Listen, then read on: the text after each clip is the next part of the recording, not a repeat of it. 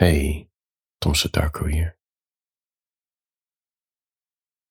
Lig je dan, naakt, voor het raam, in de hoop op een briesje, om af te koelen en misschien een beetje bruin worden? Lig je dan alleen, in de hoop dat iemand je eens vindt en ziet wie je echt bent? En dan nog, weet je, als eindelijk iemand je vindt, durf je het waarschijnlijk zelf niet toe te laten. En kom op, wanneer heb je nou voor het laatst je beste vriend uit je jeugd gezien? We zijn allemaal druk. En voor je het weet ben je oud en veegt iemand je billen voor je af. We zijn allemaal verbonden, maar niemand vertelt je hoe het echt met ze gaat. Zit je dan samen op de bank met de telefoon in je hand. Doen alsof je samen naar een film kijkt. Ze zeggen dat het universum voor je gaat werken als je het visualiseert. Dat we zeggen de wet van de aantrekkingskracht. Maar ik denk niet dat het klopt. Het is meer wensdenken of zo. Nee. Ik geloof in geluk.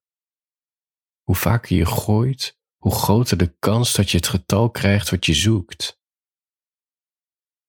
Maar dan nog, de wereld is er niet om je te helpen. De wereld is er niet eens om je tegen te werken.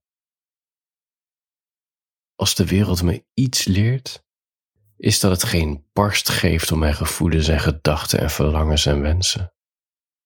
Het boeit ze geen fuck. Ik heb voor het eerst. ik durf bijna niet te zeggen, maar ik heb voor het eerst afgerekend bij een zelfscankassa. Ja, ik weet niet waarom, maar die, die supermarkt van mij loopt blijkbaar een paar jaar achter. En sinds een paar maanden hebben ze die zelfscankassa's. Alle kassa's die ze hadden, ik denk dat het een stuk of zes of zo waren, is nu gereduceerd tot twee. En waar die andere vier staan, daar staan nu, ik weet niet, een stuk of vier van die zelfscankassa's. Plus een toonbank. Ja, ik ging elke keer maar braaf in de rij staan. Zodat ik hooi kan zeggen tegen de cashier die me niet eens aankijkt. Nee, vandaag was de dag dat ik het zelf wilde doen. Mandje aan de linkerkant, en mijn kantoenen tas met verdoven is niet het antwoord, maar het helpt waarschijnlijk wel aan de rechterkant. En dan één voor één, echt uber slow, deed ik zo die producten zo langs die rode streep halen. En dan hoor je zo piep, zo piep, piep.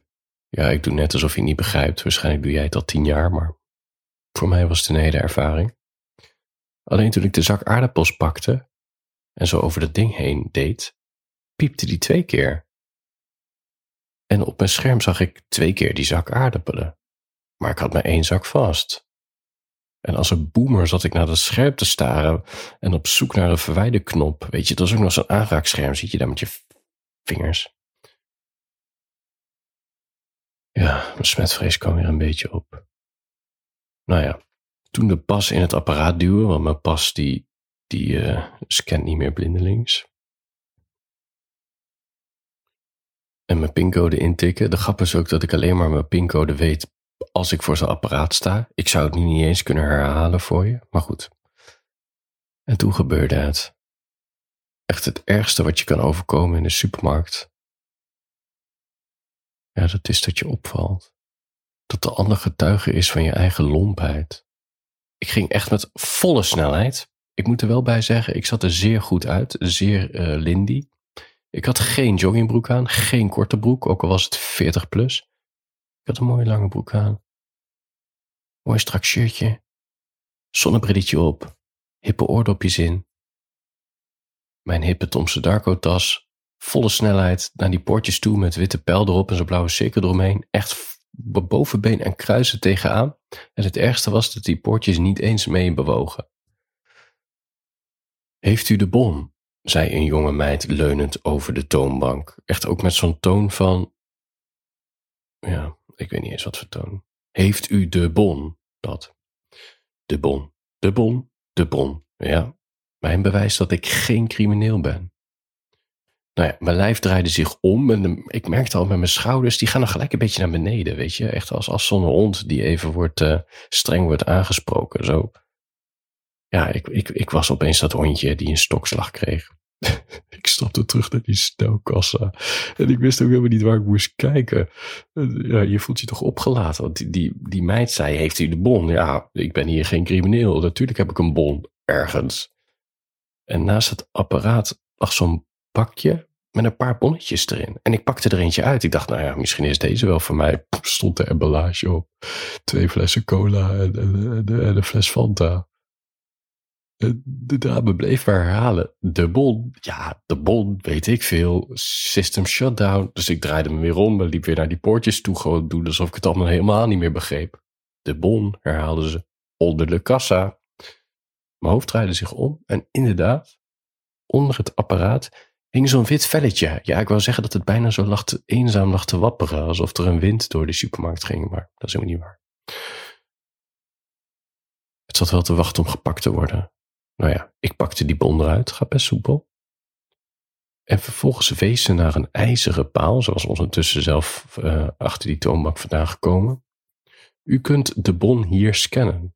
En ik legde zo de bon op een display en voilà, de poortjes gingen open.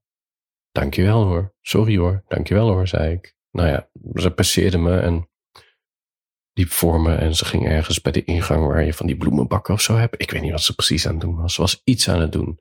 En ik passeerde haar dus weer toen ik die supermarkt uitliep.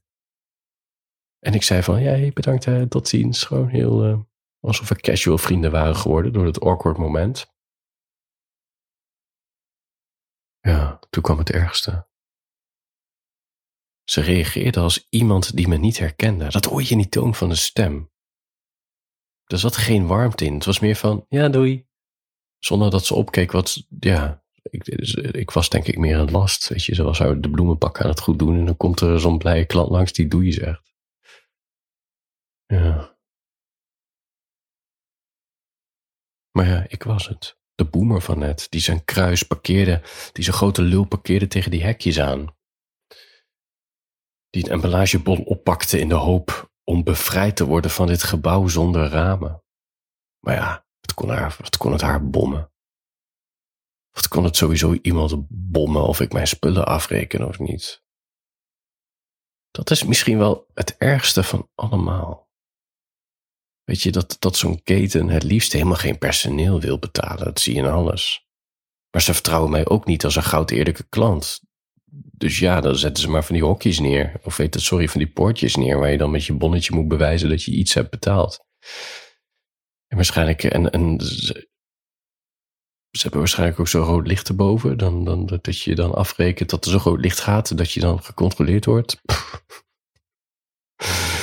Is dit voor samenleving? Wat zijn we met z'n allen aan het doen, joh? Toch? Ik weet niet. Ik krijg gewoon existentiële, ja, ik krijg altijd een existentiële crisis in de supermarkt. Als je wil zien wat er absurd is in onze samenleving, stap die supermarkt in. Het is, het is de meest absurde plek van onze samenleving. Het is de plek waar je de hele buurt ontmoet. Wat ook wel bijzonder is, dat dat uh, de kapitalistische kerk, laat ik het anders zeggen, de supermarkt is de kerk van het kapitalisme. Duizenden producten liggen er voor je. Die zijn in honderden landen ter wereld gemaakt. Weet je, die hele economie draait om die supermarkt. Alles schreeuwt om aanbiedingen. Er zitten geen ramen in de supermarkt, zodat je geen besef van tijd hebt, zodat je zo lang mogelijk daar blijft. Je wordt, ze passen allemaal van die marketingtrucjes op. Ja, ik weet niet. Het is, het is een plek met weinig liefde. Weinig liefde. En je bent er toch bijna elke dag. Ja. Ik ben het boek De Vliegeraar aan het lezen. Ik kreeg een tip van Laura. Over Afghanistan. Het was ergens een hit uh, twintig jaar geleden of zo. Die vader zegt tegen die hoofdpersoon, volgens mij heet die hoofdpersoon Amir, maar ik weet het niet zeker. Die zegt tegen de hoofdpersoon dat er maar één zonde is in het leven. Een zonde waar alle andere zonden een afgeleide van zijn. Stelen. Je steelt niet andermans bezit. En heeft hij het voorbeeld van moord. Moord is iemands bezit stelen, want dan stel je een zoon of een echtgenoot of een vader van iemand weg. Ik weet niet of ik het eens ben met deze regel. Is het stelen als ik een bloemetje pluk van de aarde?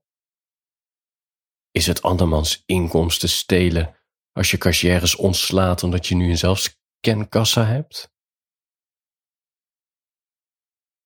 Is het mijn geld stelen als ze het vervolgens stoppen in Max Verstappen en wielrenners op een fiets? Ik bedoel, alsof zij het zo hard nodig hebben.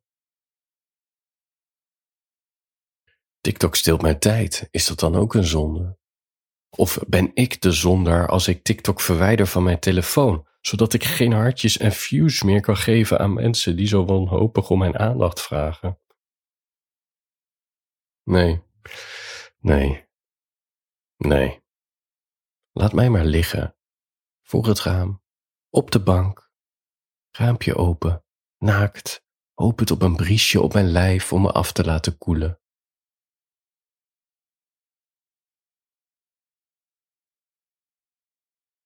Tja, ik heb gewoon het idee in de supermarkt dat niemand me serieus neemt. Ik ben gewoon een last. Ik voel me al, misschien is dat gewoon, heeft het niet eens met de supermarkt te maken, maar mijn hele zelfbeeld dat ik heb, dat ik altijd een last ben voor iemand. En vandaag was ik een last voor die dame die verveeld over die toonbank. Omdat ik de bon niet had. De bon. Ja. Misschien wil ik geluk ook helemaal niet afdwingen.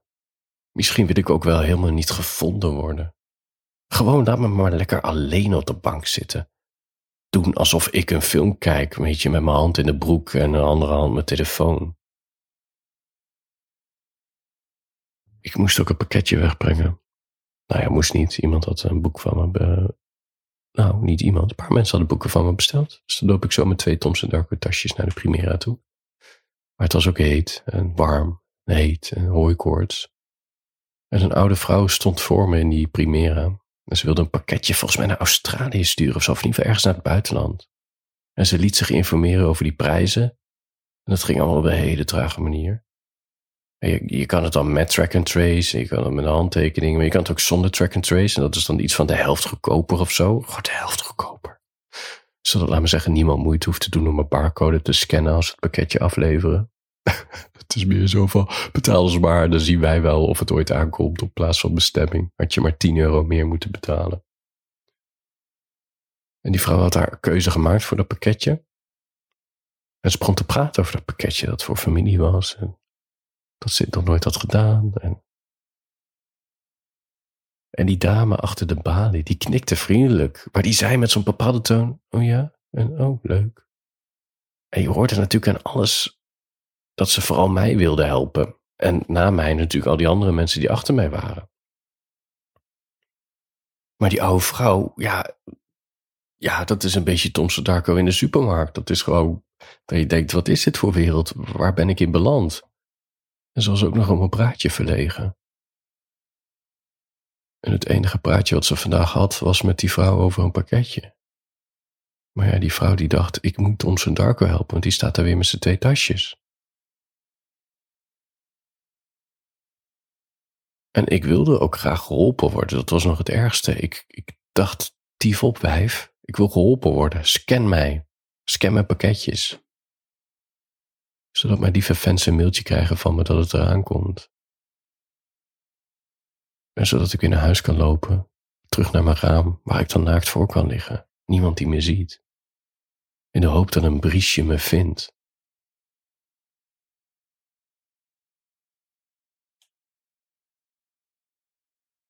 Handjes boven de tekens. Slaap lekker.